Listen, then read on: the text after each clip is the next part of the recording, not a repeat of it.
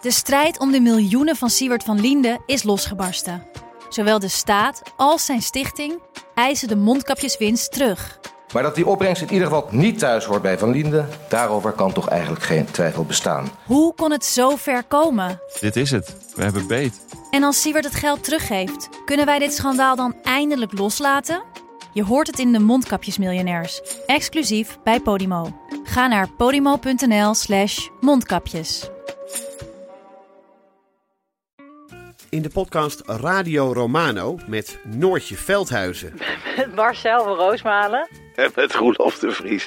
brengen we alle drie elke week een zogenaamde signalering mee. Wat heb jij nou weer bij je? En aan het eind bepalen we wie de winnaar van de week is. Echt een angstcultuur Lege huls die je er bent? Ja, dat gaat eigenlijk altijd onvriendelijk. Luister nu naar Radio Romano bij Podimo. Via podimo.nl slash Radio Romano luister je 30 dagen gratis. Het was voor mij echt een, eh, een, een, een noodsprong. Die ik liever niet had gemaakt. Maar die ik vond eh, te moeten maken om er weer bovenop te komen. Dit is Betrouwbare Bronnen met Jaap Jansen.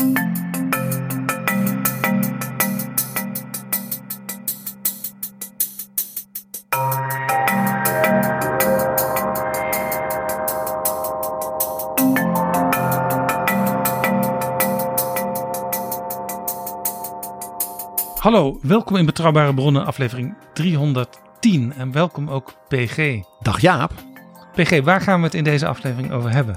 wij gaan 40 jaar terug in de tijd, Jaap. En daarmee gaan we meteen vanuit 2022 de toekomst in.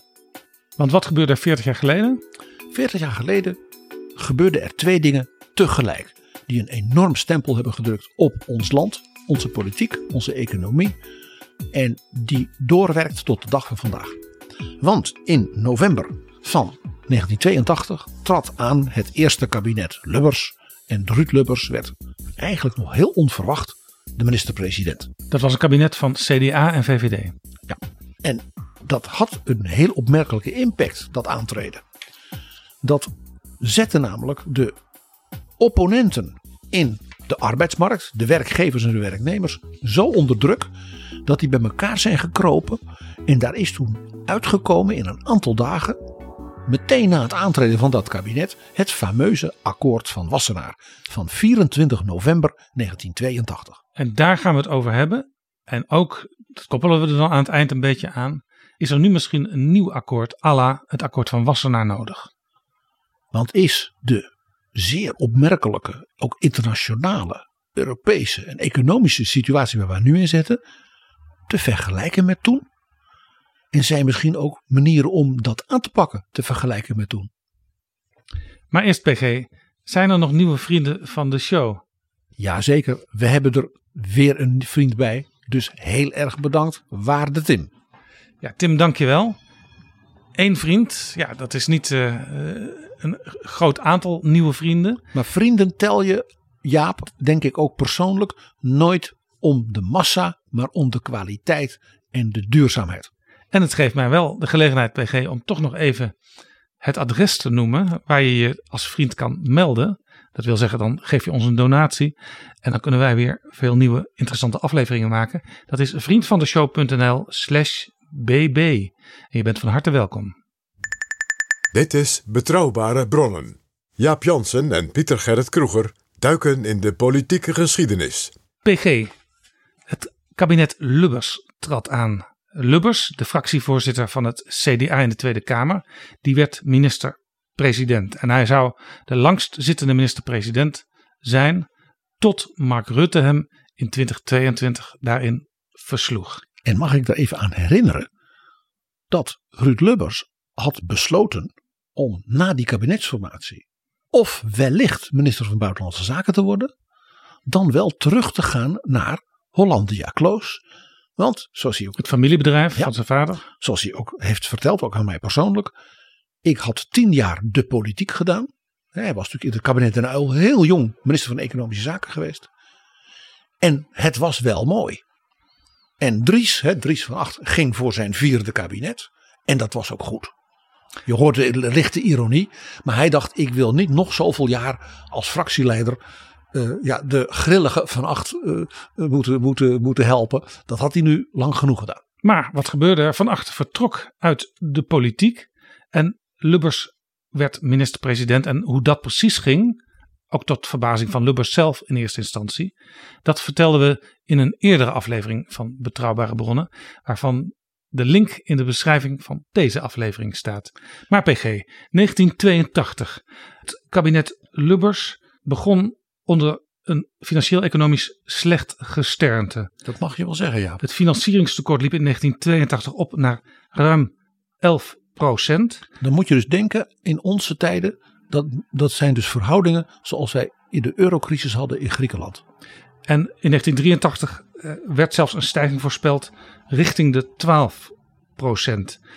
En de werkloosheid, die was in drie jaar tijd gestegen van 247.000 naar 690.000. De stijging was op dat moment 15.000 mensen per maand meer werkloos. En één de- op en- de drie jongeren, even afgezien van studenten, maar de mensen die niet studeerden, de jongeren, daar was één op de drie werkloos van. Ja, en eh, in de projecties van zeg maar, mensen die diploma hadden gehaald, of het nou universiteit was, HBO of wat wij nu MBO noemen, bijna niemand van hen zou een baan vinden.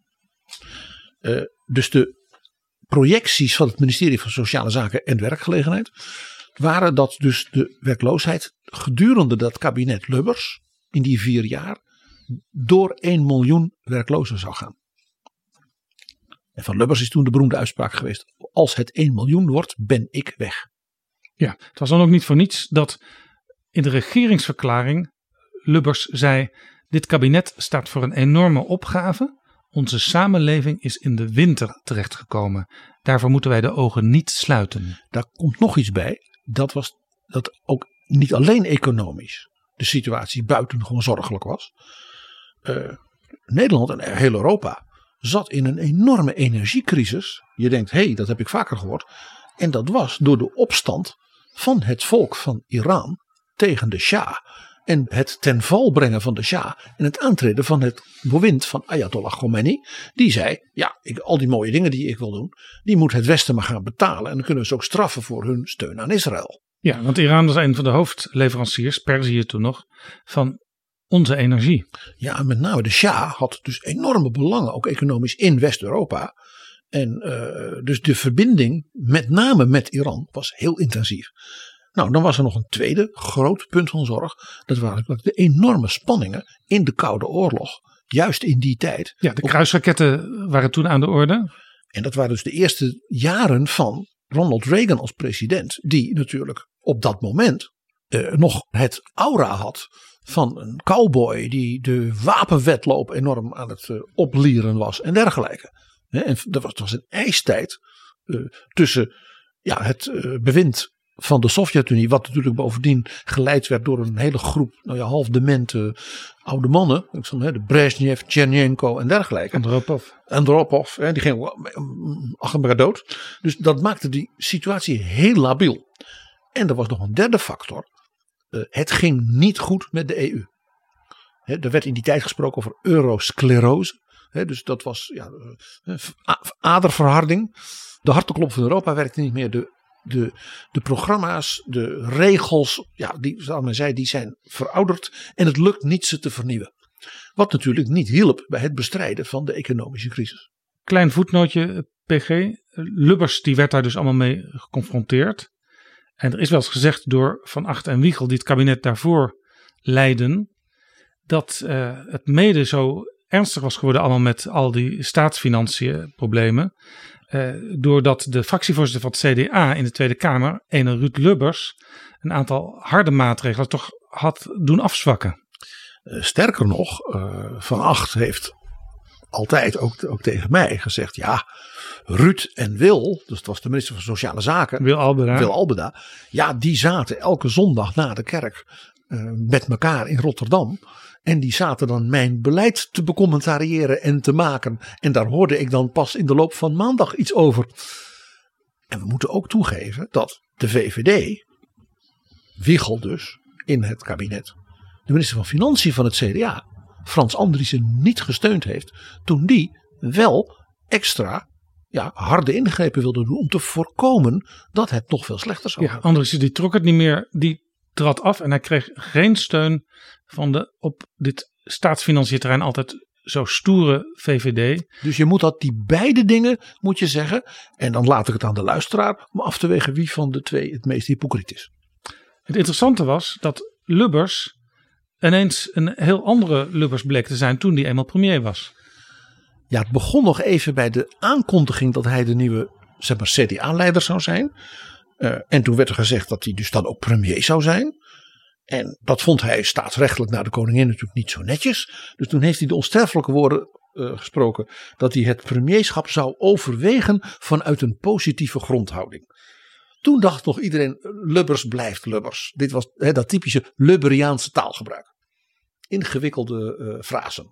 Het heeft later ook geleid tot opname van dat begrip. Ik denk zelfs in het grootwoordenboek de Nederlandse taal in, in, in Van Dalen. Maar ook gewoon, ik hoor mensen die nu, wij spreken 18 of 19 jaar oud zijn, het ook af en toe hebben over een positieve grondhouding. Het is dus gewoon in ons taalgebruik ingeslopen. Dat is natuurlijk iets wat een politicus, daar kan hij alleen maar van dromen. dat jij de smid bent van dat ene begrip. Wat er natuurlijk ook in zat, was dat Lubbers eigenlijk de indruk daarmee wekte dat hij een groot offer bracht. Ik wil het overwegen. Daar speelde natuurlijk wat ik net al zei. Want niemand wist dat hij dus eigenlijk van plan was om terug te gaan naar Hollandia Kloos. Dus het was in zijn beleving misschien ook wel een offer. Wat hij bracht. voor de partij en voor dat land. Maar iedereen die Ruud Lubbers een beetje kende. Die wist dat die positieve grondhouding een, ik zal maar zeggen, een nauwelijks verhulde gretigheid was uh, Ruud Lubbers heeft het premierschap genoten. Hij kon het ook verschrikkelijk goed. Uh, maar hij genoot ook van de mogelijkheden die het hem gaf. Zijn eindeloze creativiteit. Uh, waar hij beroemd, maar ook wel een beetje berucht om was. een van zijn meest ja, intieme vertrouwelingen, Hans Borstlap. Die heeft een keer gezegd. Ruud vond regeren zo heerlijk. Ik verdacht hem ervan dat hij op zondagmiddag stiekem even naar het torentje ging. om gewoon nog even lekker een paar uurtjes achter de knoppen te zitten. Nou ja, dat was letterlijk was dat eigenlijk ook wel zo. Want vaak als Den Haag nog in diepe slaap was. dan ging het licht al aan in het torentje. Ja, Lubbers was altijd heel vroeg op kantoor. voor bijna al zijn medewerkers. En uh, Dries van Acht heeft mij een keer verteld dat hij. Uh, toen Ruud net premier was, werd uitgenodigd door Lubbers voor een gesprek op het torentje. En Van Acht zei, dat vond ik zo chic van Ruud. En ik zal je eerlijk zeggen, dat had ik eigenlijk niet verwacht. Want ik dacht, die gaat meteen aan de slag. Hij zei, dus ik vond dat heel erg hartelijk. Totdat ik van het secretariaat hoorde, kun je om half negen in de ochtend. Dries van Acht was, zoals je weet, een nachtdier. Een reptiel noemde hij De ministerraad in het katshuis begon vaak zonder voorzitter van acht. Dan, dan deed het de eerste uurtjes. Ja, en dan hoorden ze om half twaalf hoorden ze op het katshuis boven stommelen. En dan kwam dus van acht zijn bed. Ja, want de premier sliep daar. Dus van acht zei, nou had ik gelukkig die avond daarvoor een diner in Den Haag met Leo Tindemans. En dat was natuurlijk zijn grote vriend, de Belgische premier. Dus hij zei, ik heb dus overnacht in Den Haag. En, en dus was het de volgende om half negen op het torentje. En hij zegt, ik hartelijk ontvangen. En Ruud zegt van, ja Dries, even een paar dingetjes, dat we even aftasten. Eh, Koningshuis en zo. Dus hij had drie, vier vragen. Hij zegt, en om tien voor negen stond ik weer buiten. Ruud Lubbers vond regeren heerlijk. Maar wel op die hele eigen Lubberiaanse manier, om maar zo te zeggen. Het was, je weet, ik heb ook weer heel veel persoonlijke herinneringen aan hem. Een hele bijzondere man. Ja, dat blijkt. Ja, want eh, voor de nieuwe luisteraars, die weten misschien niet dat jij ooit voor de CDA-fractie werkte eh, onder fractievoorzitter Ruud Lubbers en voor hem ook allerlei opdrachten deed. Zeker. Als zeker. jongeman. Zeker. Nou wist natuurlijk iedereen in Den Haag dat als die Lubbers zegt ik ga dus nu dat doen, dat premierschap, en er ligt een regeerakkoord, ja dat, nou ja, door sommigen zelfs hardvochtig werd genoemd. Er moest echt nu heel diep worden gesneden. Dus wat Andriessen niet mocht, ging nu met verdubbelde kracht gebeuren. Ja, dat, dat leidde in Den Haag ook tot de gedachte. die Lubbers die gaat dus doen wat hij zegt.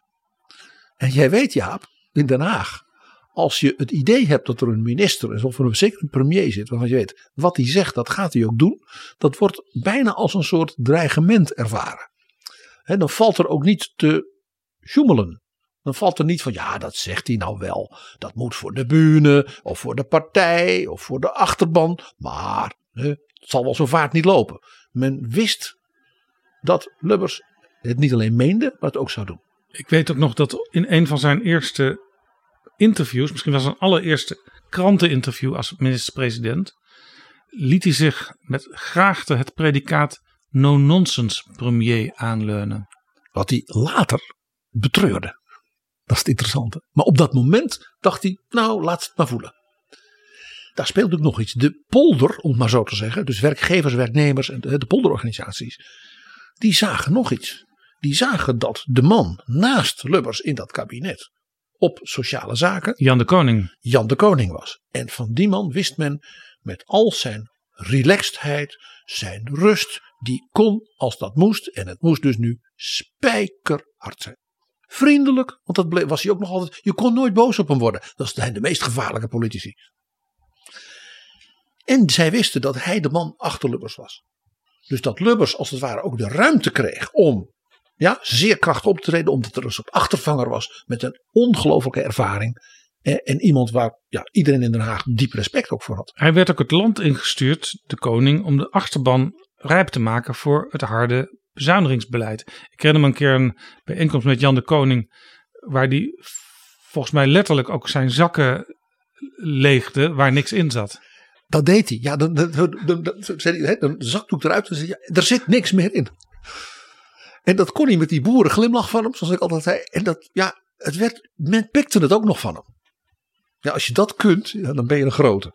Nou, de werkgevers en de werknemers, die hadden zoiets van, joh.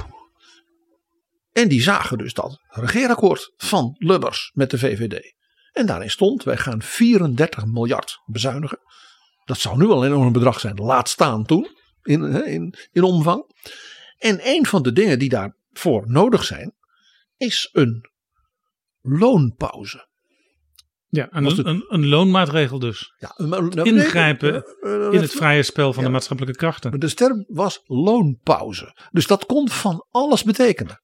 Dat kon een half jaar uh, zeg maar de prijscompensatie uh, opschorten. Maar het kon ook betekenen dat er vier jaar lang iedereen op de nullijn zou gaan. Nou, het was duidelijk dat vanuit de VVD werd er enorme eisen gesteld. En Jan de Koning, de minister van Sociale Zaken, die heeft dus in het informele circuit gezegd: ja, de VVD die zit er heel strak in. En de nieuwe minister van Financiën, Onno Ruding, ja, dat is een bankier. Die 34 miljard, die, moet binnen een week tot achter de komma door alle ministers worden ingevuld. Daar gaan we geen vier jaar over doen. Dus die loonpauze, ja, die ga ik als minister van Sociale Zaken dus concreet maken. En toen begrepen ze dat Jan de Koning overwoog om meteen bij de regeringsverklaring dus een loonmaatregel voor vier jaar af te kondigen. Dat betekende dus dat de vakbonden, de werkgevers, in feite vier jaar niks meer te doen hadden. Die konden niet meer met het kabinet, en zelfs ook niet met elkaar, overleggen over nieuwe ontwikkelingen. Dus ze zouden volledig ja, eh, alles uit handen geslagen krijgen. Ja. En dat terwijl in Nederland toch uh, er een traditie was van het afsluiten van cao's, dus, dus grote overeenkomsten in bedrijfstakken, door werkgevers en werknemers samen. En daar kwam nog iets bij. Het drong toen tot met name de vakbonden door. Dat was minder iets voor de werkgevers. Dat het kabinet naast die loonpauze voor alle mensen die een zogenaamd overdrachtsinkomen kregen. Dan moet je dus denken aan ambtenaren, trendvolgers en uitkeringen een aparte maatregel zou nemen.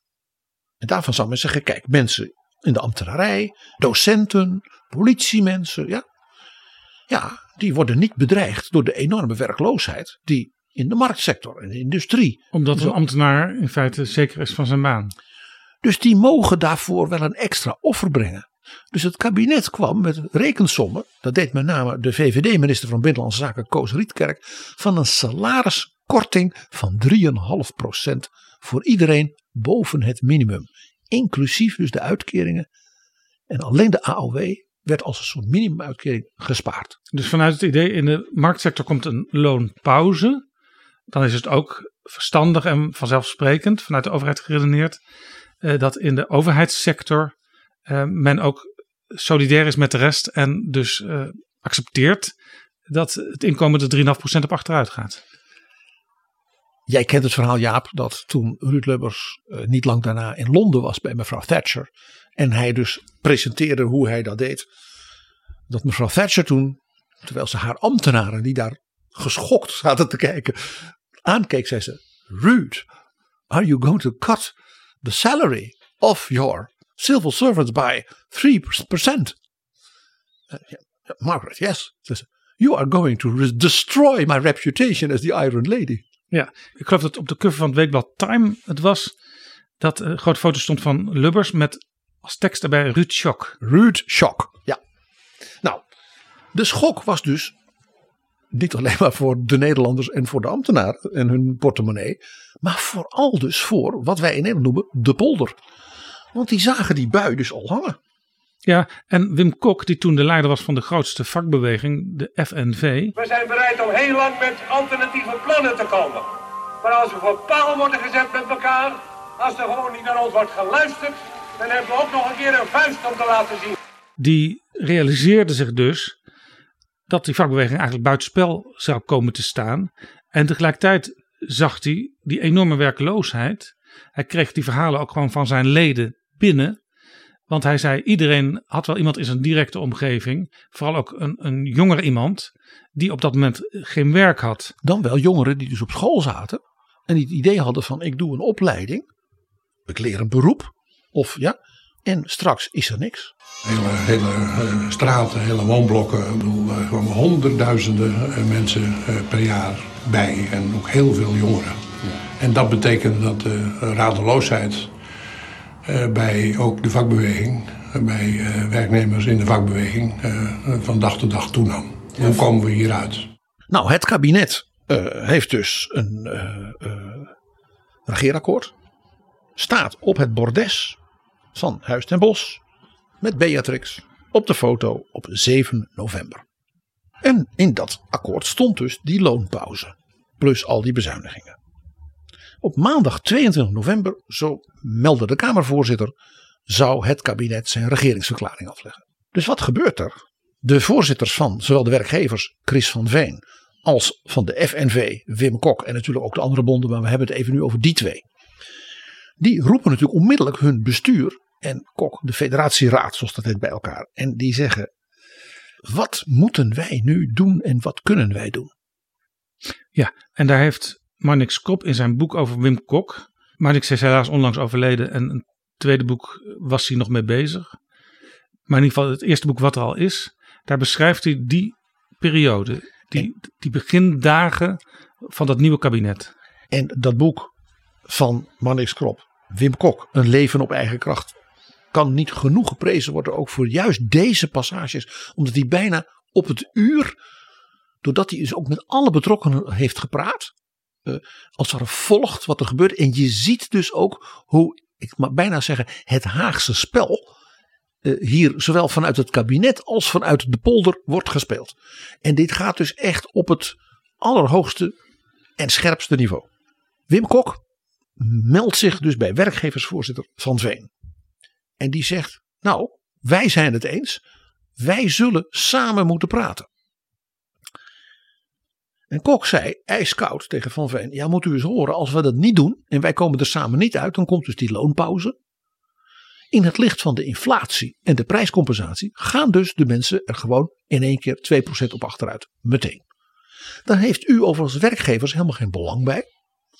Want dan gaan ze natuurlijk onmiddellijk bezuinigen op hun uitgaven. Ja, jij zegt u, ze zeiden wel je en jij tegen elkaar. Maar Kok heeft wel eens gezegd over zijn relatie met Van Veen. Je kunt op verschillende manieren je en jij zeggen. Ja.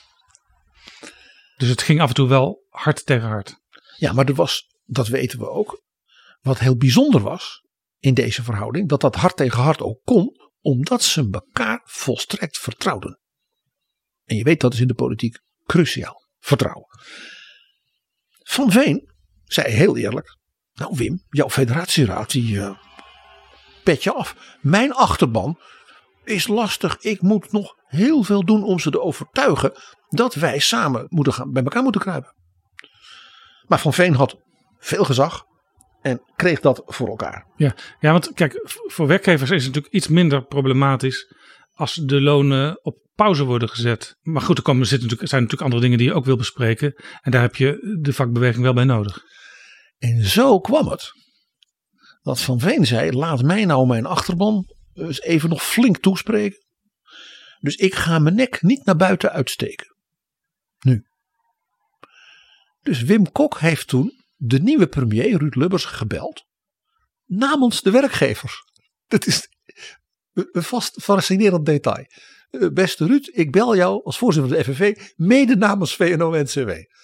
Wij willen een overleg van het kabinet met de sociale partners voor de regeringsverklaring. Natuurlijk zei Lubbers meteen ja. Want dat gaf hem, als daar iets uitkwam, natuurlijk een enorme credibility in die regeringsverklaring. Lubbers kon alleen maar winnen. Nu. Ja. Als namelijk die sociale partners gingen ruzie zitten maken, kon hij zeggen: Ja, is terecht dat Jan de Koning dus met een loonmaatregel komt. Komen ze eruit, dan zegt iedereen: draagvlak. Dat is in Nederland, hè? Knap van de nieuwe premier. Ja, was de vraag overigens wel wat dan bijvoorbeeld coalitiepartner VVD daarvan zou denken. En wat de strenge Onno Ruding, de minister van Financiën, ervan zou denken. Maar onthoud Jaap, in dit hele verhaal. Dit is de Ruud Lubbers die nog geen twee weken premier is. Ze wisten toen nog niet de Ruud Lubbers die ze na een paar jaar leerden kennen. De eindeloos creatieve. En je moest hem altijd ontzettend in de gaten houden. Ja, daarbij premier. Op 17 november is er een gesprek van een delegatie van het kabinet met de Stichting van de Arbeid. En daarin steekt Chris van Veen zijn nek echt uit. He, zoals hij dus ook had beloofd, als mijn achterban, als ik die heb omgepraat, nou dat kon die goed. En die heeft gezegd tegen het kabinet, u wilt met een loonmaatregel komen. Wij als werkgevers vinden dat een falikant slecht idee. Er zat dus geen, geen nuance in. Wim Kok had natuurlijk met zijn bestuur besproken wat hij daar zou gaan zeggen. En Van Veen, ook als oudere heer, die had als eerste het woord genomen. En Kok die zat dus in de, in de merkwaardige situatie dat hij eigenlijk eigenlijk maar één kon zeggen. Ja, het bestuur van de FNV is het heel erg eens met de heer Van Veen. Dat is natuurlijk een beetje merkwaardig, om het maar zo te zeggen. nee, eerst had hij namens Van Veen gebeld. En vervolgens zei hij, ja, we zijn het eigenlijk eens. Dus toen heeft hij gezegd, de woorden van de heer Van Veen geven aan hoe ongelooflijk ja, zorgelijk. In het licht ook van onze economische situatie. En echt in decennia de situatie is. En wat hij zegt is mij uit het hart gegrepen. En hij zegt dus ik wil morgen om tien uur een vervolgoverleg. En Lubbers die dacht ja wacht even. Dat is dan 18 november. Maar ik moet op die 22e mijn regeringsverklaring geven. Die truc die ken ik. Ja, ze gingen het weekend in hè? en de dag na het weekend zou die regeringsverklaring zijn. En Lubbers dacht, deze truc ken ik van de vakbonden. String it along. Kick the can down the road. En Van Veen die heeft zich in feite klem gezet hierdoor. Die kan moeilijk zeggen, nee dat wil ik niet. Dus dat was ook weer heel slim van Kok. Dus wat doet Lubbers? Die zegt, we hebben eh, goed gekeken. Wij zijn natuurlijk bezig met die regeringsverklaring. En die heeft het overleg afgerond zonder conclusies te trekken. Dat was een bekende truc van Lubbers die men nog niet kende, die men dan later wel kende. Ja. Goed gesprek. Hè? En, dan, en dan dacht ik, ja, maar wat, wat, wat hebben we eigenlijk besproken? En dan de conclusies worden elders getrokken en dan is het een voldoende feit geworden. En Lubbers kreeg natuurlijk complimentjes van minister De Koning. En zeker ook van minister Rietkerk van Binnenlandse Zaken. En zeker van minister Ruding. Die dacht, mooi zo, niks van het regeerakkoord ingeleverd. Want dat gaan we niet doen. Van Veen en Kok hebben toen, en dat was heel uitzonderlijk, een gezamenlijke persconferentie gegeven. En die hebben gewoon gezegd, wij vinden dit helemaal fout. Dus dat was voor Lubbers een enorme tegenvaller. Want die dacht, ik ben er op deze manier gelijker als het ware doorheen. Maar ja, roepen het is helemaal fout en dan niks doen. En dat kan ook niet. Dus Van Veen en Kok hadden ook zichzelf weer in een soort boeiende onmogelijke situatie gebracht. Dus die zeiden, ja, zullen we dan morgenochtend in plaats van dan met het kabinet, dan maar gewoon met elkaar om de tafel gaan zitten. Met alle andere vakbonden en werkgeversclubs. Ja. Om te kijken hoe komen we hier nog uit. Want we hebben nog, nou ja, drie kalenderdagen. Je begrijpt wat het effect was. Er lagen dus allemaal ja, interessante stukken van verschillende organisaties. Maar ja, dan heb je nog niet een gezamenlijke lijn. Dus aan het eind van de dag zei Van Veen, waar zijn we het nou over eens? Nou, dat we allemaal interessante stukken hebben, maar ja. We zijn het toch eigenlijk over één ding eens. Er moet geen looningreep komen. Ja, dat waren het allemaal over eens. Waarop Van Veen dus zei, zullen we morgenochtend dan gewoon doorgaan? En Kok zei, nou dat wou ik eigenlijk ook al. Dus die, die, dus die gingen echt nu samentrekken. En die twee die hebben toen iets, ja die hebben het gewoon psychologisch aangevoeld. Die zijn dus na afloop, na de vergadering, gewoon samen naar het huis van Van Veen gegaan in Wassenaar. Ja. En hier komt het woord Wassenaar. Want Wassenaar ligt aan de snelweg eigenlijk vlakbij het gebouw waar die Stichting van de Arbeid eh, bijeenkwam, namelijk het SER-gebouw. Uh, want de SER, daar hebben we natuurlijk ook vaak over gehad in Betrouwbare Bronnen. Daar zitten ook nog uh, kroonleden bij. Die zitten er in die stichting niet bij. En die stichting die wordt ook voorgezeten door de twee grootste centrales, namelijk FNV en VNO-NCW. Dus de twee voorzitters die gingen nu naar het huis van voorzitter Chris van Veen in Wassenaar. Om die dag toe te evalueren en te zeggen: als we nou morgen uh, weer al die stukken op tafel hebben, zeggen: ja, is een interessant stuk, dan komen we er niet uit. We moeten iets veel concreters hebben. Dus wat doet Van Veen? Onthoud hierbij één ding, Jaap. Van Veen had een heel interessante achtergrond als man, als werkgever, ja, en van, van bedrijven en organisaties. Maar hij was ook heel succesvol minister van Onderwijs geweest. Dus die was gewend, zeg maar, op dat niveau, zeg maar, politiek, bestuurlijk te sturen. Hij was dus veel meer dan alleen maar een werkgever geweest. Ja, hij kwam uit Christelijke Historische Unie, een van de partijen die het CDA vormden. Ja. Van hem is de beroemde uitspraak dat toen er een heel Malieveld vol boze leraren stond, die meer geld voor onderwijs eisten, dat u zei: Uw protest is een steun voor mijn beleid. Man met humor. En die heeft dus thuis gebeld met zijn directeur sociale zaken bij VNO-NCW. En die zei: Kun jij niet een aantal ideeën die Wim Kok en ik vanavond nog even bespreken, is gewoon op een 1 A4'tje zetten. Ja, die, Schrijf eens wat op voor directeur, dat was Ad Dortland. En die Dortland, dat wist natuurlijk Van Veen. Die had al met een soort collega van hem bij die FNV van Kok. Frans Drabbe. Van alles samen gedaan. Dus Van Veen hoefde die man helemaal niet te verordoneren. Ik bedoel, op dat niveau is dat niet nodig. Dat hij onmiddellijk als eerste natuurlijk die Frans Drabbe belde. Ben jij thuis vanavond? Nou had die Drabbe het jaar daarvoor met een andere medewerker van VNO-NCW een nota geschreven over hoe zouden we gezamenlijk de arbeidsmarktproblemen kunnen oplossen. Dus die Dortland en die Drabbe die zeiden, heb jij dat stuk nog? Ja, hier een mapje. Nou, je ziet hoe dat gaat.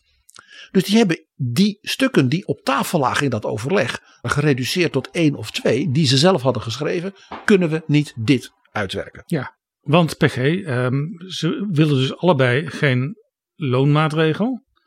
Wat konden ze nog meer bedenken dan alleen dat ene wat ze niet wilden? Ja, dat was het punt. Geen loonmaatregel. Wat kunnen we dan als het ware op tafel leggen naar zowel werkgevers en vakbonden als naar met name minister De Koning.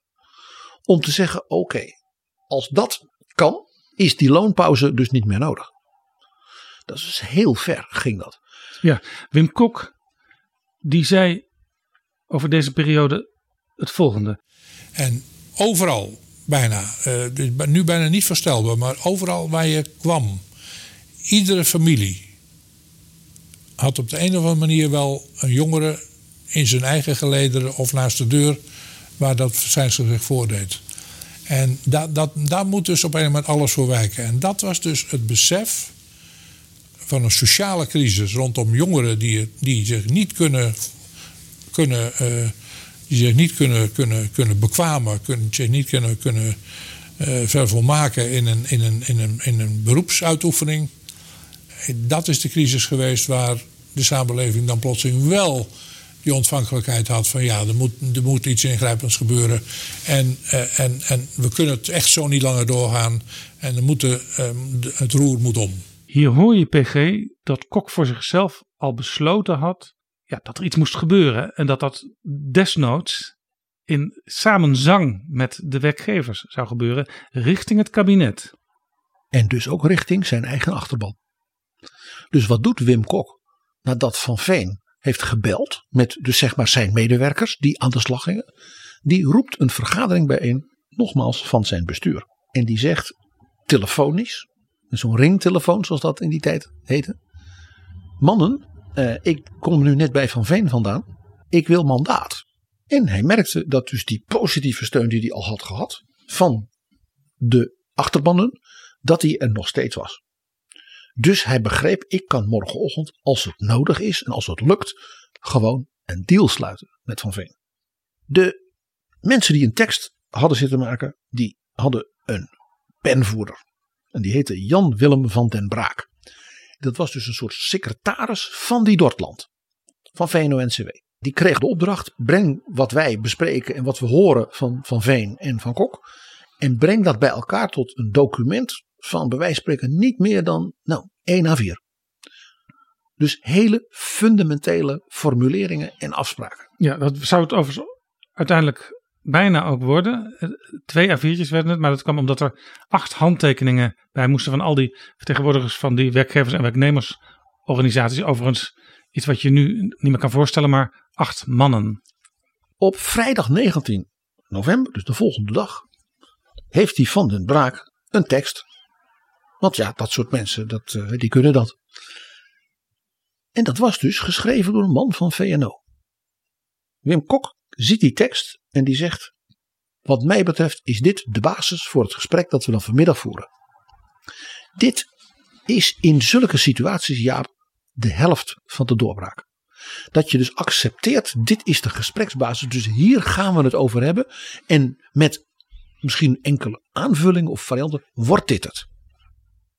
Zoals je ook dat in het Europees overleg hoort. Ja. Dat als dus bijvoorbeeld Charles Michel met een conceptverklaring komt terwijl de conferentie nog moet beginnen. Dat is als het ware dit werk. Ja, nou ja, op Europese toppen ligt er ook altijd al een eh, stuk met conclusies eh, voordat ze bij van spreken elkaar de hand geschud hebben. Eh, Maar dan kan het toch nog soms wel anderhalve dag duren voordat het definitief is. Maar dan zie je toch vaak wel dat dat originele stuk ja, toch voor 95% overeind is gebleven. Ja, dus Kok en Van Veen, die konden bij elkaar kruipen met dus die Drabbe en Dortland. En die zeiden, we gaan op de studeerkamer van Chris van Veen in zijn huis in Wassenaar zitten. En we gaan gewoon net zo lang veilen aan die tekst en dus aan de kerngedachten daaromheen. Tot we eruit zijn. En dat lukte. En dat is natuurlijk wel heel knap. En wat al eerder gebeurde, gebeurde nu opnieuw. Kok, die bracht het niet alleen in zijn bestuur, maar zelfs in zijn federatieraad. Dus waar al die bonden, als daar een narrato van hun omvang, ja, stemrecht en zo hebben. En die kreeg eigenlijk een bijna unanieme steun. Heel mooi, een van de meest felle vakbondsvoorzitters, die van de Industriebond, Arie Groeneveld, die zei als eerste: Wim, goed gevoetbald. Van Veen had, net als hiervoor, een hele klus aan dat werkgeversbestuur. Hij heeft op een bepaald moment gezegd: Heren, want dat was ook alle heren, hè, u kent wat ik nu heb uh, bereikt. Ik laat mij natuurlijk niet terugsturen naar Wim Kok en de vakbonden om nog weer wat dingetjes te vragen. Dus het is dit of er is niets. En zo kreeg hij ze zover, omdat ze natuurlijk wisten, ja, die man heeft wel gezag. En als we, hem, ja, als we dat doen, dan is hij in feite politiek natuurlijk als voorzitter van onze club en als onderhandelaar gecastreerd. Dat zo zijnde, werd er die avond van die vrijdag die 19e één iemand gebeld. En Jaap, jij snapt wie dat was. Jan de Koning. Want er zat één klein technisch dingetje. Lag niet om de prijscompensatie in de voedingsindustrie. Zo gaan die dingen. Want er waren wat, wat, wat aparte afspraken over. En de voedingsbond. Die zei daar mag niet aan ge... Ja, daar was de voorzitter Kees Schelling. Die in de vrije tijd ook nog uh, actief was in de politieke partij Radicalen.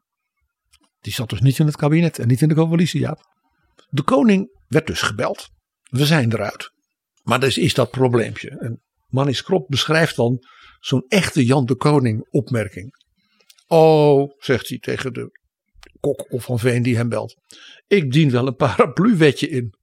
Dat is zo'n wet die even wat, wat kleine uh, ja, oneffenheden kan gladstrijken. Er is altijd wel iets in het sociale veld waar je zegt dat dit loopt af, dat moet worden verlengd. En dan heb je dus vijf, zes van die dingen. En de koning was dus zo'n handige, ja, zo'n zo'n zo'n geweldige. Dat het bij als hamerstuk door de Kamer gaat. Niemand zou het doorhebben.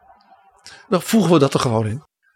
Dus die vrijdagavond was met deze uh, uh, politieke handigheid van de minister het ook duidelijk voor het kabinet. Want ja, het eerste wat de koning deed was Lubbers bellen. Dat is duidelijk. Hè, dat, dat wisten ze ook. Dat er dus iets was van de Stichting van de Arbeid. Waar het kabinet mee verder zou kunnen. Dus op zaterdag meldt het duo Lubbers de koning. Let op, daar hadden ze dus niet over vergaderd in de ministerraad. Dat het kabinet zou afzien van een loodmaatregel. Dit was dus een van de kernpunten van dat ja, hardvochtige regeerakkoord. Weet je nog? En dit was dus ook een signaal voor al die achterbannen van, van al die andere bonden en organisaties. Uh, wij kunnen definitief onze handtekening zetten onder het stuk. Ja, maar er speelde nog iets. De onderhandelaars dus voor die bonden in die verschillende sectoren. Als die nu zouden gaan opspelen. Dan zouden ze dus, uh, zeg maar Wim Kok, dan wel in duigen vallen. Van Veen op hun nek krijgen. En dan zou de koning met volstrekte rechtvaardiging kunnen zeggen: ja, maar als dus de centrales mij dit beloven, dan leg ik alsnog met terugwerkende kracht een loonmaatregel op. Want dat, ja. En dan zou ook iedereen politiek daarna zeggen: dat is wel heel naar. Maar ik denk dat zelfs Joop de Uil van de Partij van de Arbeid in de oppositie dan zou zeggen: ik vind het afschuwelijk en dat, dit dit dit. Maar ja, de minister heeft wel een beetje gelijk. Want zo kun je niet met elkaar omgaan. Nou, Eh, dan gebeurt er weer zoiets heel haags. Want vrijdag was natuurlijk in de ministerraad de tekst van de regeringsverklaring vastgesteld. En Lubbers en de Koning zeggen dus de volgende ochtend op zaterdag. Nou, die loonmaatregel die gaat dus niet door, want er is nu iets moois. Dus er moest voor de tekst van de regeringsverklaring een inlegvel worden gemaakt. Daar komt dat begrip inlegvelletje, wat je nu ook regelmatig hoort als Mark Rutte weer iets moet bedenken. Het inlegvel is dus een zeg maar, historisch een klassiek begrip in Den Haag geworden. Met dank aan die studeerkamer in Wassenaar. Waar dat akkoord dus van kwam. Van Van Veen en Kok. Want ja, ja, je hoort mij lachen. De tekst was namelijk door de Rijksvoorlichtingsdienst dus al gedrukt. Ja, en eh, om nou die, dan, alle, alle ministers en al die ministeries die die tekst hadden, om die, die tekst terug te eisen, dan weet je zeker dat die uitlekt. Dus dan maar een inlegvel. En op maandag 22 november presenteerde dus premier Lubbers zijn kabinet en de regeringsverklaring. En heeft daar dus in voorgelezen een akkoord in hoofdlijnen van dus de polder. Waardoor dus afgezien kon worden van dat begrip loonpauze. En zelfs een loonmaatregel. Want in feite had dus de polder zelf die loonpauze gerealiseerd. Dit was natuurlijk voor de oppositie, met name natuurlijk voor uh, PvdA-leider Joop den Uyl, een hele bittere tegenvaller. Hoe kon je tegen het kabinet roepen wat u doet is een schande. En u dreigt met dit. En de, ja, en, uh, de vrijheid van onderhandelen wordt door het kabinet zonder enig geding voor vier jaar lang weggegooid. Ja. En dat akkoord van Wassenaar dat heeft dus geleid tot uh, het akkoord in de Stichting van de Arbeid. Datum 24 november. Staat ook niet Wassenaar op, maar uh, Schravenhagen, want daar is die Stichting van de Arbeid gevestigd. Want daar staan dus die ja, acht handtekeningen onder. Ja, want men moest natuurlijk na die zaterdagochtend natuurlijk die vergadering bijeenroepen. En dat was dus op die woensdag.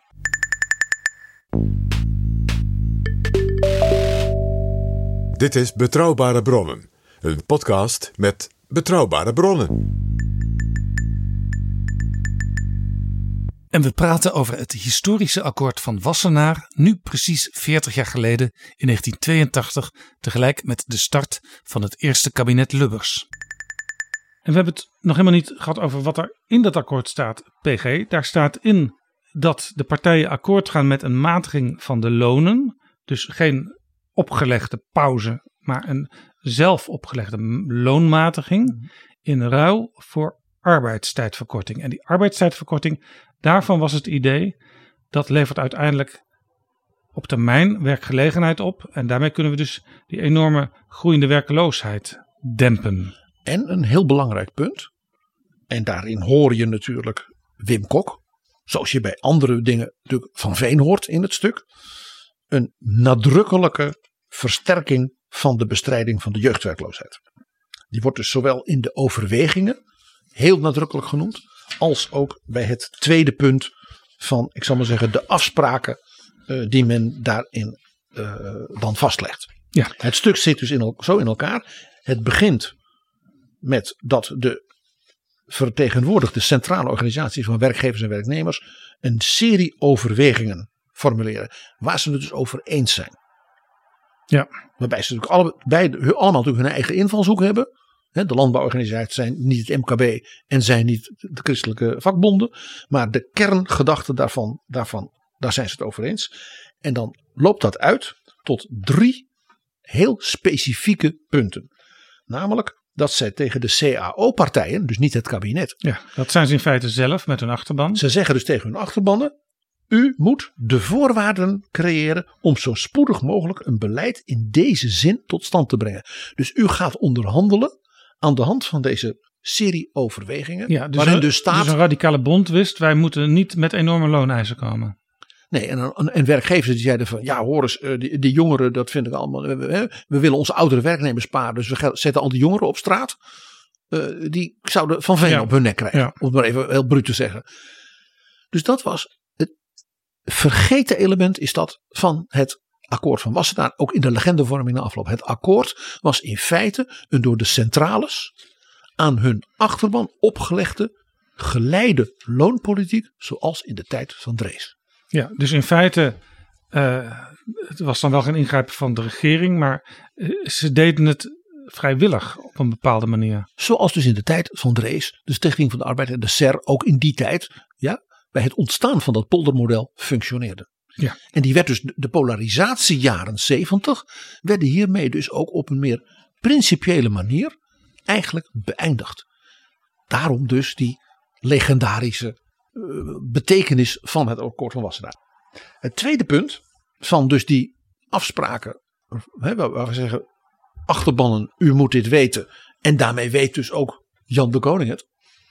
Is dat er aanleiding bestaat om, ja het is echt mooi ambtelijke taal hoor. Dat er aanleiding bestaat ter zake van een aantal aspecten met betrekking tot de herverdeling van arbeid en de bestrijding van de jeugdwerkloosheid overleg te voeren met de bedoeling om daar voor 1 januari 1983, dus binnen een maand, aanbevelingen te doen. Ja, heel Dat- snel. Dat betekende dus, dat kon alleen, dus door met minister de Koning. Ja, en bijvoorbeeld minister Deetman van Onderwijs, dat ging om het beroepsonderwijs en zo, om de tafel te zitten. En die zouden dus, die conclusies, zouden dus in feite worden opgelegd aan die CAO-partners. Dat ging dus buiten hen om. Ze zeiden wij vinden die bestrijding van de jeugdwerkloosheid en herverdeling van arbeid zo belangrijk. Dat gaan we centraal en dus met het kabinet afhandelen. Daarmee was dit dus ook indirect een bod aan het kabinet. En dan het derde. Dat is echt heel, daar hebben ze echt, daar kan je gewoon zien aan de tekst, daar is aan geveild. Dat derde punt, zij spreken dus, de centrales, hè, werkgevers en werknemers, de wenselijkheid uit, en dan komt er ineens een streepje. Met behoud van ieders opvattingen en gevoelens met betrekking tot de beleidsvoornemens van het nieuwe kabinet. Ja, dus een aantal aanwezigen eh, die daar helemaal niet op zaten te wachten, überhaupt op dat kabinet.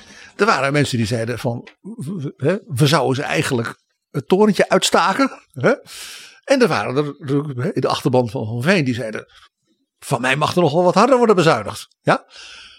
Maar ze hebben gezegd, dat is het kabinetsbeleid. Eh, dus we respecteren eh, wat ieder daarvan vindt. Maar wij zeggen wel nu, op basis van de hierboven genoemde overwegingen en beleidsintenties, dus die twee eerdere punten, hè, iedereen gaat dit doen, en twee jeugdwerkloosheid en herverdeling, de onderhandelingen dus op korte termijn worden gestart voor dus de CAO's van 1983. Oftewel, ze zeggen, als wij met het kabinet dit uitwerken, dan beloven wij dat we dus vroeg in 1983 al die CAO's regelen, zodat het kabinet weet hè, dat dus de afspraken die ze maken met die loonmatiging en die herverdeling ook concreet gebeurt. En het kabinet dus niet kan zeggen, ja, ja, dan gaan jullie onderhandelen, ja, dat wordt juni. We gaan, eh, als er per 1 februari niet iets gebeurt, gaan we alsnog dreigen met een loonmaatregel. Dan heel fijntjes geformuleerd. Ik, ik, ik ben een liefhebber, zoals je weet, van mooie formuleringen. De laatste zin. Zij, dat zijn dus de partners, verbinden daaraan de bereidheid om in de loop van het voorjaar 1983 het kabinet te informeren over de feitelijke ontwikkelingen in en de uitkomsten van de CAO-onderhandelingen. En daarmee zeggen ze dus, als er dus bonden zijn die gaan zitten, om het even Lubberiaans zeggen, difficulteren, dan gaan we, houden ze net zo lang met hun hoofd onder water in het voorjaar. Dus dan moet je denken aan maart. Ligt er dus al die cao's en die hebben uitgewerkt wat wij hier hebben afgesproken. En daar kan het kabinet op rekenen. Was getekend door vijf werkgeversvoorzitters. Chris van Veen namens het Nederlands Christelijk Werkgeversverbond. Steve van Eikelenburg van het Nederlands Christelijk Werkgeversverbond. Wouter Perquin van het Nederlands Christelijk Ondernemersverbond. Sjerk Veninga namens de Katholieke Nederlandse Boeren- en Tuindersbond. En Joris Schouten namens de Nederlandse Christelijke Boeren- en Tuindersbond. En aan de werknemerskant uiteraard Wim Kok namens de Federatie Nederlandse Vakbeweging. Harm van der Meulen van het Christelijk Nationaal Vakverbond, het CNV. En namens de vakcentrale voor middelbaar en hoger personeel Henk van der Schalie. Even Jaap nog de politieke finesse en psychologie hier. Minister De Koning was dus eigenlijk de man waar het hier om draaide. De minister van Sociale Zaken. Wat was die in het vroeger leven geweest? Voorzitter van de Nederlandse Christelijke Boeren- en Tuindersbond. Hij was de man, hè, ook toen al in het CDA, Dus de voorganger van- van het Groene Front. De voorganger van Joris Schouten die daar aan tafel zat in de Stichting van de Arbeid. Dat inlegvel was natuurlijk mooi. Maar was natuurlijk in feite niet eh, zeg maar in de ministerraad uitgebreid behandeld. En de ministerraad kon ook eigenlijk niet meer vergaderen. Hè, want op maandag was de regeringsverklaring. Ja. Dus de minister van Financiën, Onno Rudding, bijgenaamd het ijskonijn. eh, die zei dat is mooi. Eh, maar ik ga natuurlijk gewoon al die bezuinigingen en alles wat, ik, wat we hebben afgesproken gewoon helemaal en detail uitwerken. Want die cao's, ja, dat gaan we nog wel meemaken. En in het voorjaar, wie weet wat er in het voorjaar allemaal weer, alweer aan de hand is. Hij vertrouwde het niet. Nou, hij zei het heel goed, maar het is ook verstandig dat we dat uitwerken. En daarbij had hij in de ministerraad een compaan. En dat was diezelfde Jan de Koning.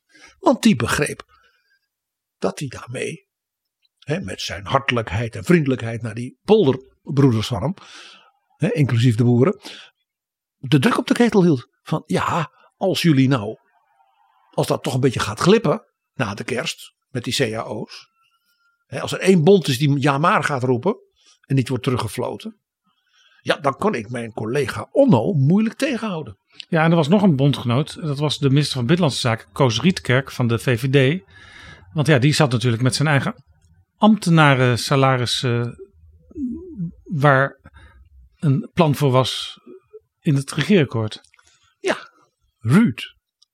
Are you going to cut your civil servants? Ja, 3,5 procent.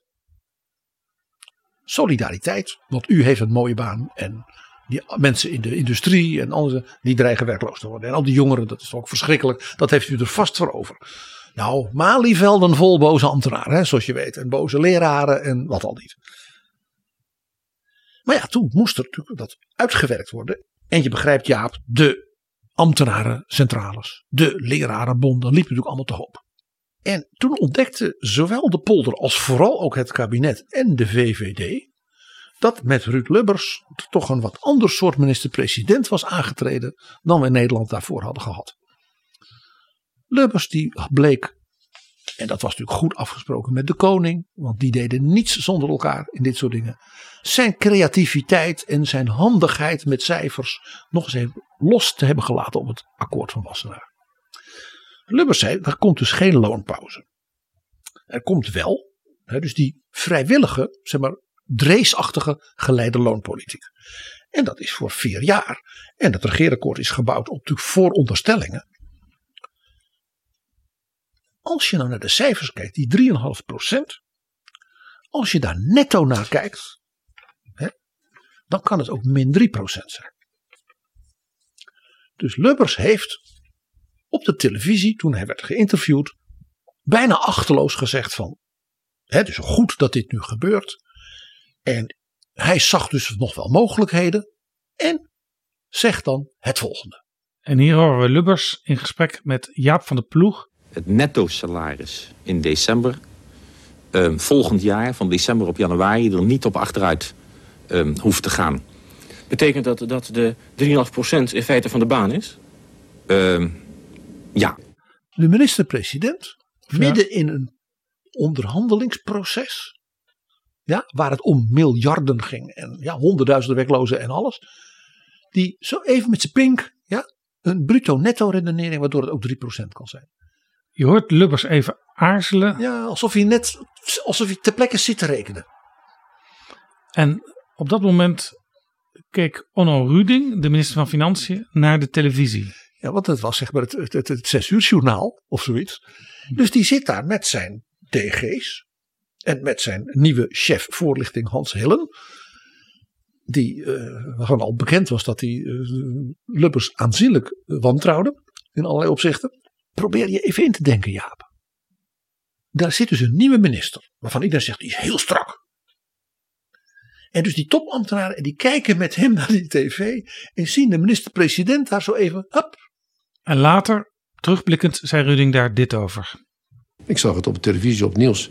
Het is de verantwoordelijkheid van een bepaalde minister, ook jegens de samenleving, jegens de Tweede Kamer, uh, om een beleid te verdedigen. En dat kan niet iemand anders doorheen fietsen. Ook niet als het de minister-president is? Nee, uh, ook staatsrechtelijk niet. PG Ruding heeft natuurlijk volstrekt gelijk. Dat is het is eigenlijk niet in het Nederlandse systeem staatsrechtelijk dat de minister-president zomaar dat beleid kan wijzigen op een avond. Ja, het is Ruud Lubbers. Ze ontmoeten hier voor het eerst. Ja, Ruud Lubbers, zoals we natuurlijk later ja, wisten. En soms mensen ook op deze manier wanhopig kon maken. Maar toch ook wel bewonderenswaardig kon opereren. Onno Ruding, je hoort het in dit stukje terugblik. Hij is nog des duivels. Hij, hij, hij, hij zegt dat zomaar iemand ja, dat doet. Ruud Lubbers, zomaar iemand? Nee dus. Ja. Hij begreep natuurlijk dat hij zijn onderhandelingspositie als die strenge minister van Financiën, dat hij die kwijt was hier. En het was hem natuurlijk volkomen helder, dat zegt hij niet, maar dat hoor je. Dat Lubbers dit helemaal had afgestemd met Jan de Koning. Dus dat als hij in de ministerraad ging opspelen, dat de koning dan zou zeggen. Maar ik vind het verstandig, want netto, hè, die zou dan hetzelfde verhaal houden. Nou, de andere CDA-ministers zouden al lang blij zijn, want die hadden dus minder ja, ellende met hun personeel. Het was al erg genoeg, die bezuiniging. Dus ja, dan zou dus Ruding met de VVD moeten opnemen.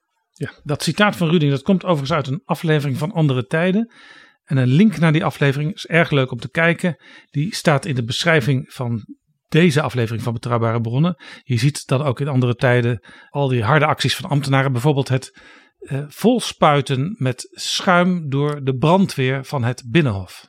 En deze ervaring van Onno Ruding leidde tot een van de meest vermakelijke dingen van de acht jaar dat hij minister van Financiën was. Onno Ruding heeft vanaf dat moment in alle overleggen met bewindslieden en kamerleden van bijvoorbeeld CDA en VVD aan het eind geformuleerd.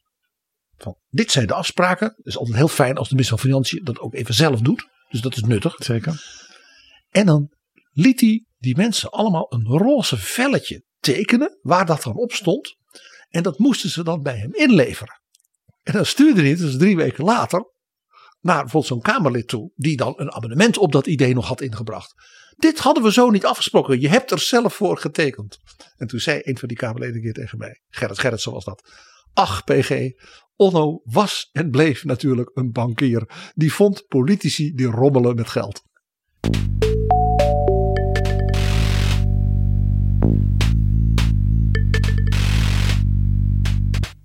PG, zouden ze in Wassenaar en in de Eerste Kamer en in het kabinet kleding dragen van Bamigo.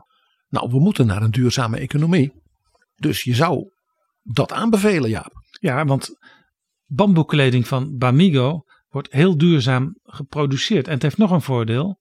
Je blijft er zo lekker koel in, ook onder verhitte omstandigheden.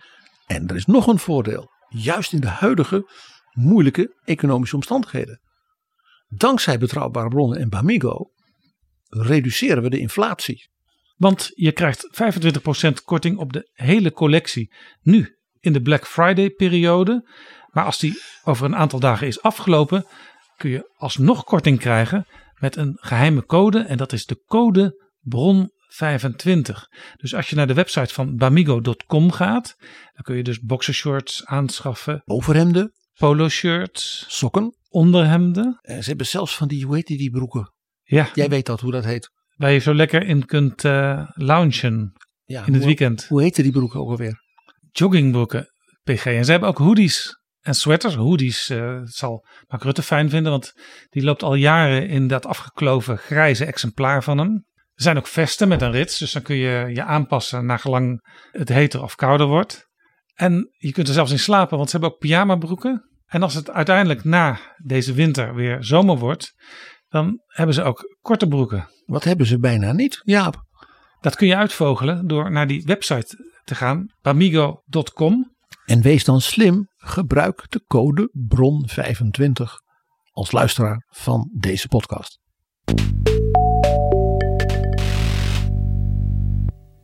Dit is Betrouwbare Bronnen. Nou, jij zei het ook al Jaap, dat zelfs het begrip inlegvelletje en positieve grondhouding en ook het akkoord van Wassenaar zijn in de Nederlandse geschiedenis, sociaal-economisch en politiek, ja, een soort mythische status verleend. Als er grote maatschappelijke problemen zijn, dan is er altijd wel iemand die roept om een nieuw akkoord van Wassenaar. En waarom was dat? Nou, ten eerste, het gaf iets heel belangrijks. Namelijk een relatieve rust in tijden van enorme spanning en druk. Ja, ook economische zorgen. Ja, tuurlijk waren de ambtenarenbonden boos. Tuurlijk waren de leraren, vonden dat minister Deetman natuurlijk, hè, dat zij het beter wisten wat betreft onderwijs. Daarom zijn ze ook onderwijzers. Maar in de kern kreeg het dus hiermee een hele brede maatschappelijke steun. Wat het ook lastig maakte voor de oppositie in de Kamer. En er was nog iets. Het gaf het kabinetsbeleid in de eerste dagen meteen een heel helder lange termijn perspectief. Het kabinet ging dus al die nare dingen doen, maar het ging ook herverdeling van werk. Deeltijdarbeid zou dus bewust ook ontwikkeld worden. Dat mensen in elk geval een deeltijdbaan hadden. En men zou volgaan op dingen tegen de jeugdwerkloosheid. Dat gaf bijvoorbeeld mijn baas, minister Wim Deetman, ruimte om een heel nieuw soort beroepsonderwijs te intro- introduceren. En hij moest dus enorm bezuinigen. Maar Jan de Koning, de minister van Sociale Zaken, zei: nee, we hebben afgesproken, daar gaan we het aan doen. Dus uit de sociale zakenbegroting, bijvoorbeeld voor het bestrijden van de jeugdwerkloosheid, kon Deetman 150 miljoen krijgen. Dat was echt heel veel geld in die tijd. Om dat nieuwe beroepsonderwijs voor jongeren eh, in gang te zetten. In de hoop dat als ze die opleiding hadden gedaan, dat ze dan van niet werkloos zouden zijn in die tussentijd. En het dan veel beter zou worden. En ja, het ging ook beter. Na een tijdje zakte de werkloosheid onder de 800.000. Ja, dat was trouwens een, een gok, heeft Wim Kok ook wel eens verteld. Eh, want ja, je kon dat niet echt in een schema vatten bij het schrijven van dat akkoord van Wassenaar. Eh, ja, het was iets waar je met z'n allen als een soort inspanningsverplichting, dat is ook weer zo'n typisch Haags woord wat je in die tijd hoorde. Eh, als een inspanningsverplichting namen alle partijen en ook de regering dat op zich. Maar toen gebeurde het na enige tijd, gebeurde het. Toen, toen nam de werkloosheid af. Ja, en let op, ik zei die zakte onder de 800.000. Dus die was, nog, enorm. Die was dus nog sinds het aantreden van het kabinet toch zo'n Verder bijna gestegen. 200.000 doorgestegen. Dus dat akkoord was er en het steeg nog door. Want ja, de, de doorwerking natuurlijk van de grote economische problemen, ook die energiecrisis, eh, ja, dat, die, die- dat is niet een knopje wat je omzet. En toen kwam de bakker langs op het ministerie van Sociale Zaken. Want Ruud Lubbers heeft toen een taart laten bezorgen bij de koning en zijn staf met daarop de tekst onder 800.000 op weg naar 700.000. PG, dit was ook de hoofdreden voor Wim Kok om met dat akkoord uiteindelijk aan de slag te gaan en er zijn achterban rijp voor te maken. Dat hoorden we al helemaal aan het begin van deze aflevering. Ik laat het nog even horen. Met datgene wat ze hadden gezegd, namelijk een korte adempauze en dan komt er een wettelijke loonmaatregel. Zette men ons onder druk. Je bent als vakbondsleider om dingen beter te laten worden. En niet om ze slechter te laten worden. Dus wat de werknemers moesten betalen was gelijk zichtbaar. En wat ze zo terugkregen, namelijk werkgelegenheid en betere rendementen. Dat zou pas op een later moment volgen. Het was voor mij echt een, eh, een, een, een noodsprong. Die ik liever niet had gemaakt. Maar die ik vond eh, te moeten maken om er weer bovenop te komen. De werkloosheid was dus zo groot dat Wim Kok er een noodsprong voor over had om die terug te dringen. God zegen de greep.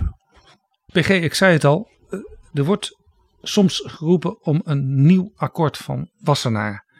En die roep die hoorden we deze week in de Eerste Kamer. Daar waren de algemene financiële beschouwingen met minister Kaag. En Niek-Jan van Kesteren sprak daar. Hij is CDA, Eerste Kamerlid. En hij was vroeger de directeur van VNO-NCW. Dus echt een sleutelfiguur in de polder. En hem werd een vraag gesteld door Joris Bakker, Kamerlid van D66, over een nieuw akkoord van Wassenaar. Afgelopen zaterdag was er een bijlage van het Financieel Dagblad. En dat ging over het akkoord van Wassenaar. En ik, ik moest onweerstaanbaar aan uw bijdrage van vandaag denken. Ik dacht, daar gaat de heer Van Kesteren het vast over hebben. En de kop was hogere lonen, langer doorwerken. Dat was eigenlijk een soort omgekeerd akkoord van Wassenaar, want dat was loonmatiging. Hoe ziet de heer Van Kesteren dat? Nou, ik ben het daarmee eens. Ik, ik, ik vind al jaren dat er een, uh, een herziening moet komen op het gebied van de sociale politiek. Wij hebben sinds Wassenaar volgen wij de lijn van de loonmatiging. Dat was het recept wat toen dringend noodzakelijk was gegeven de economische omstandigheden en de structuur van de economie. Maar vandaag leven we in een andere wereld. Uh, en, en ik denk dat het inderdaad nodig is om uh, de manier waarop we tegen de loonontwikkeling aankijken, dat we, die, uh, dat we die vernieuwen. Maar er hoort ook een belastingbeleid bij. Een kind kan zien dat je niet verder kan met deze manier van, van organisatie van de arbeidsmarkt. Voorzitter, als een kind het kan zien, dan kan de staatssecretaris van Rijen het ongetwijfeld ook zien. En die Joris Bakker, die vroeg dit niet voor niks bij interruptie. Want Nick-Jan van Kesteren heeft onlangs, en ja, een los Eerste Kamerlid van het CDA, ja, dat is natuurlijk een belangrijk man. Maar moet die de opening zijn van de Telegraaf? Ja. Nick-Jan van Kesteren kwam met een vlammende oproep.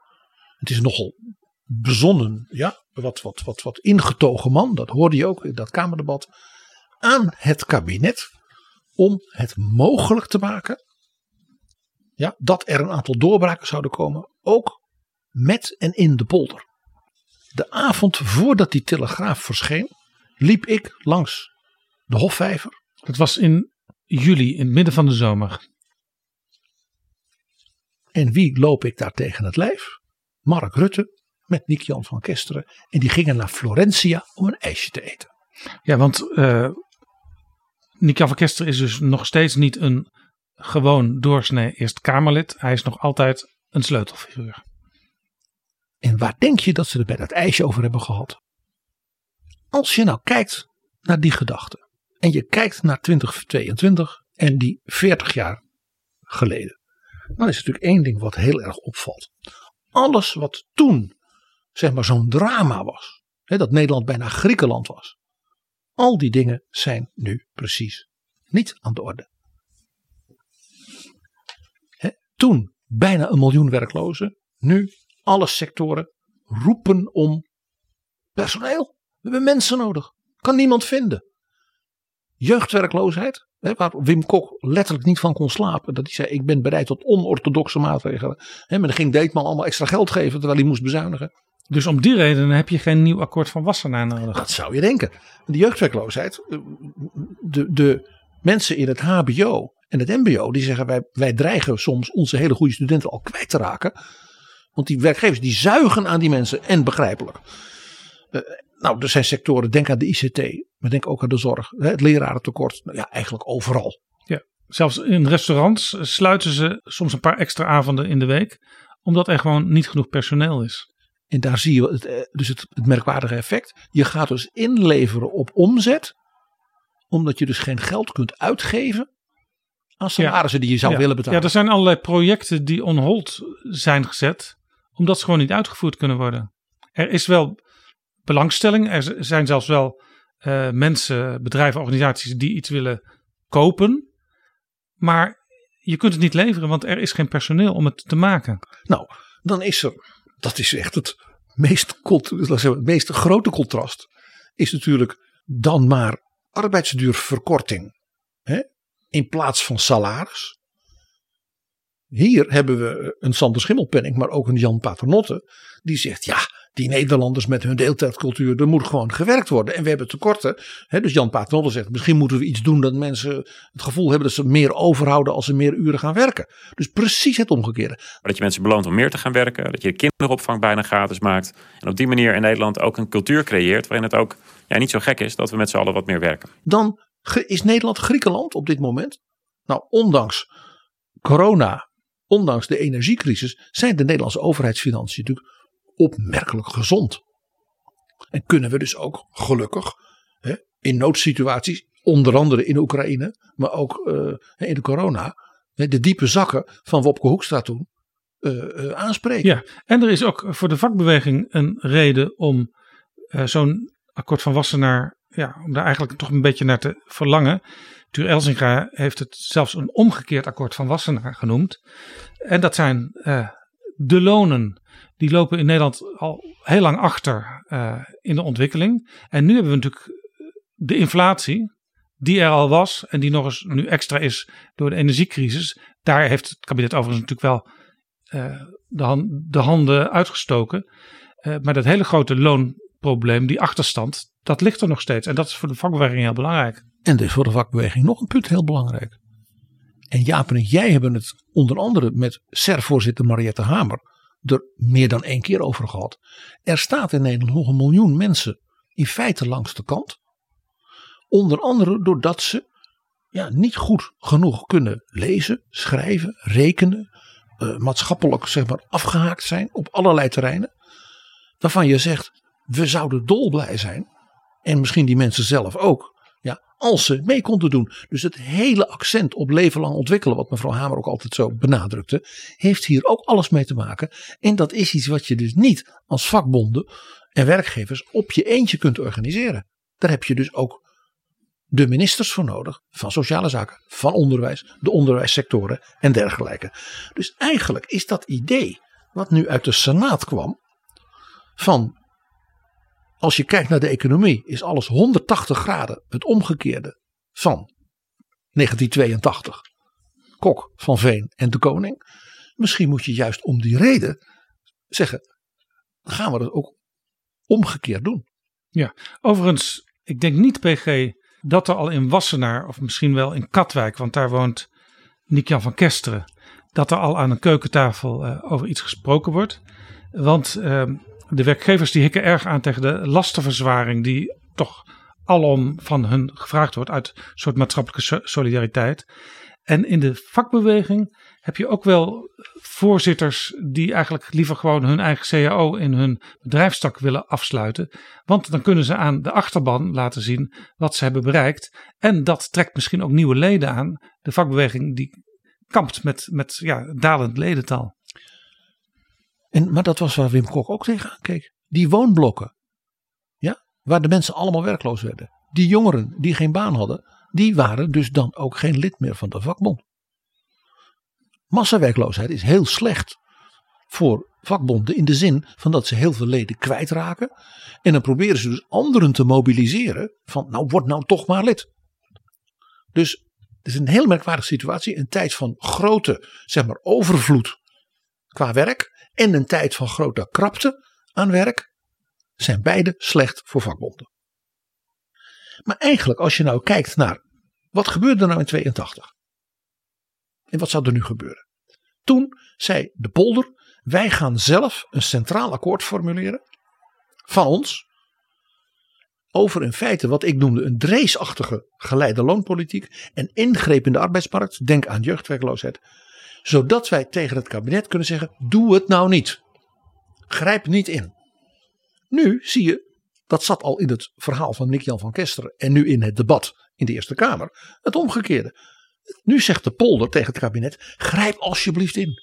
Kom met een aantal grote maatregelen. Wij zullen klaarstaan. Wij zijn bereid om mee te doen. Dus het is inderdaad niet alleen de situatie is omgekeerd, maar ook het soort akkoord zou als het ware omgekeerd zijn. Nou hebben we natuurlijk een nieuwe voorzitter bij de SER. Dat is Kim Putters en die was zelf Eerste Kamerlid. Dus een collega van Joris Bakker en Nick-Jan van Kesteren. En het zou mij helemaal niet verbazen als die elkaar wel eens spreken horen. Die dit terzijde. Dat gebeurt in Den Haag wel meer. Nou als je kijkt Jaap naar ook de gesprekken die wij de voorbije twee jaar hebben gevoerd. Rondom sociaal-economische onderwerpen. Maar ook bijvoorbeeld rond het beroepsonderwijs. Dan kun je zo een aantal ingrediënten voor dat omgekeerde wassenaar, om het maar zo te zeggen, formuleren.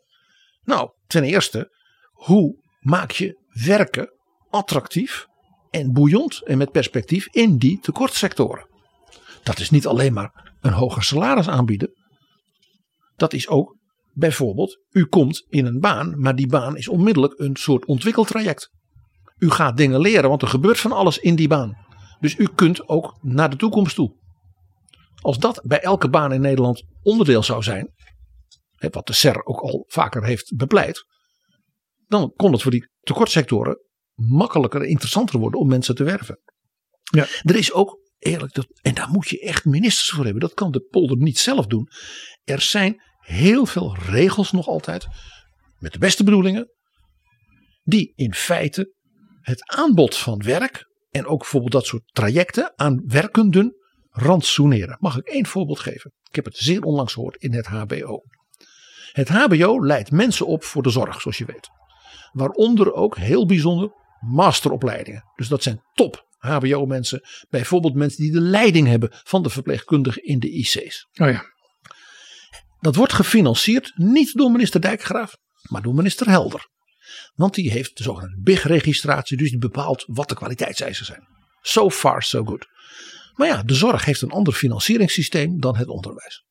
Dus daar werken ze in feite met rantsoenen.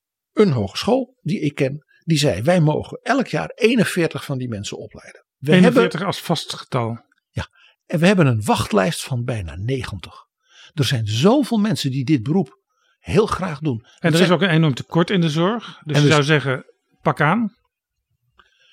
Dus de collegevoorzitter van die club, die zei tegen mij, de zorg creëert zijn eigen tekort. Toen dacht ik, dit moet in een wassenaar 2.0. Dat je dat soort dingen schrapt. Dan wel zo formuleert dat je zegt, ja we gaan, we gaan het rantsoen eraf halen. Ja. Nou, dan Jan Paternotte, die zegt, ja uh, meer uren werken moet ook lonen. Dat betekent dat staatssecretaris Mannix van Rij aan de slag moet. Ja, want nu is het vaak zo dat als je uh, meer geld krijgt als salaris, uh, dan kom je misschien, val je misschien net buiten allerlei toeslagen, waardoor je netto minder overhoudt dan met die toeslagen. Ja, dus dan moet je kijken naar hoe het systeem zo werkt. Dat als, je, als mensen zeggen: Ik ben bereid wat extra's te doen, omdat we bijvoorbeeld tekorten hebben. Ik geef extra les. Dat de samenleving zegt, nou dat waarderen we.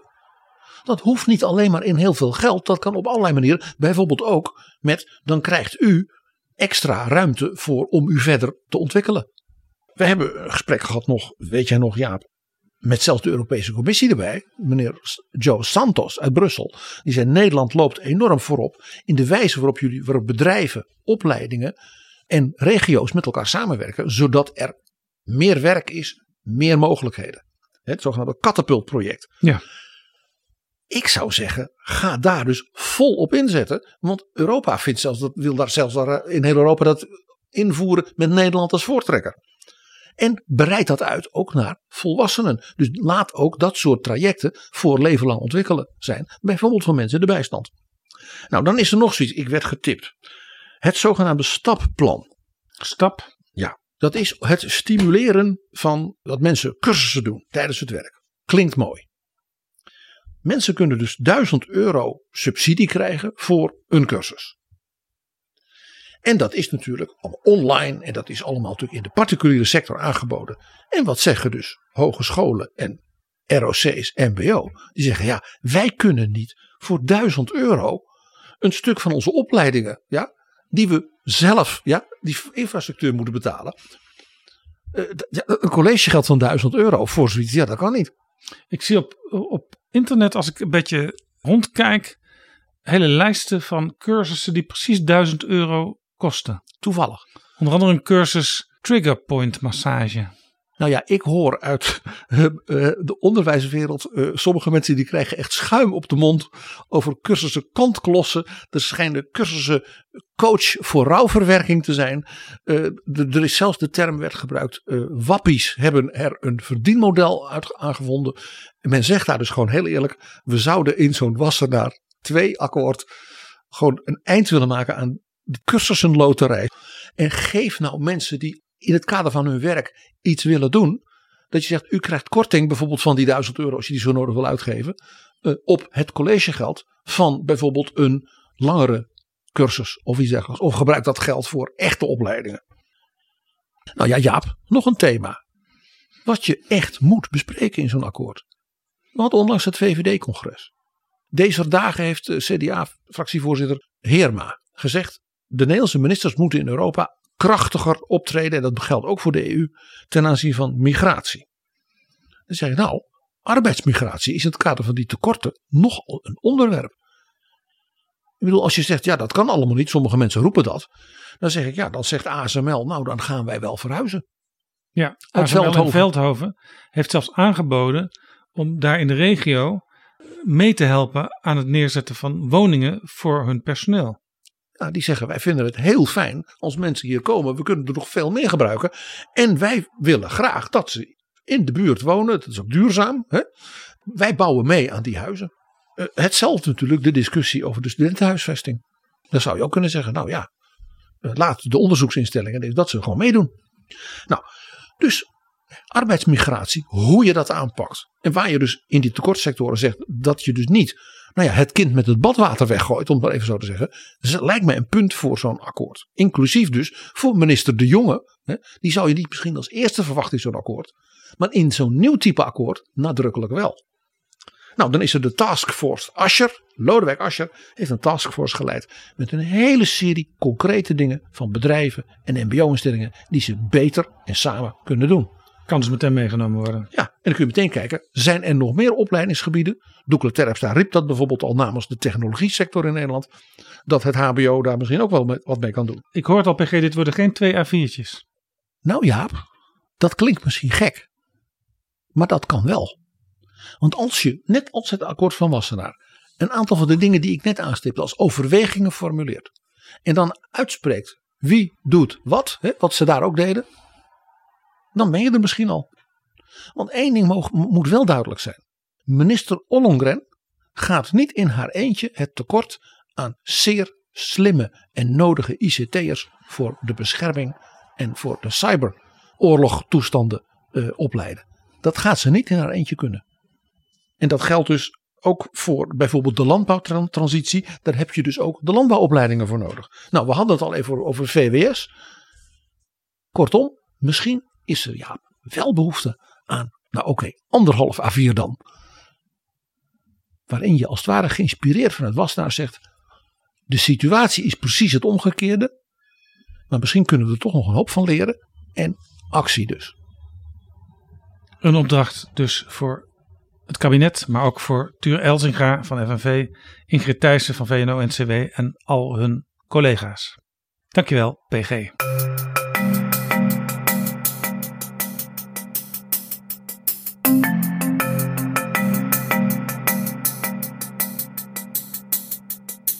Zo, dit was Betrouwbare Bronnen aflevering 310. Deze aflevering is mogelijk gemaakt door de vrienden van de show. Wil jij ons helpen met een donatie? Dan betekent dat dat er nog veel meer afleveringen gemaakt kunnen worden. Ga daarvoor naar vriendvandeshow.nl slash bb. Tot volgende keer. Betrouwbare Bronnen wordt gemaakt door Jaap Jansen in samenwerking met dag en nacht.nl.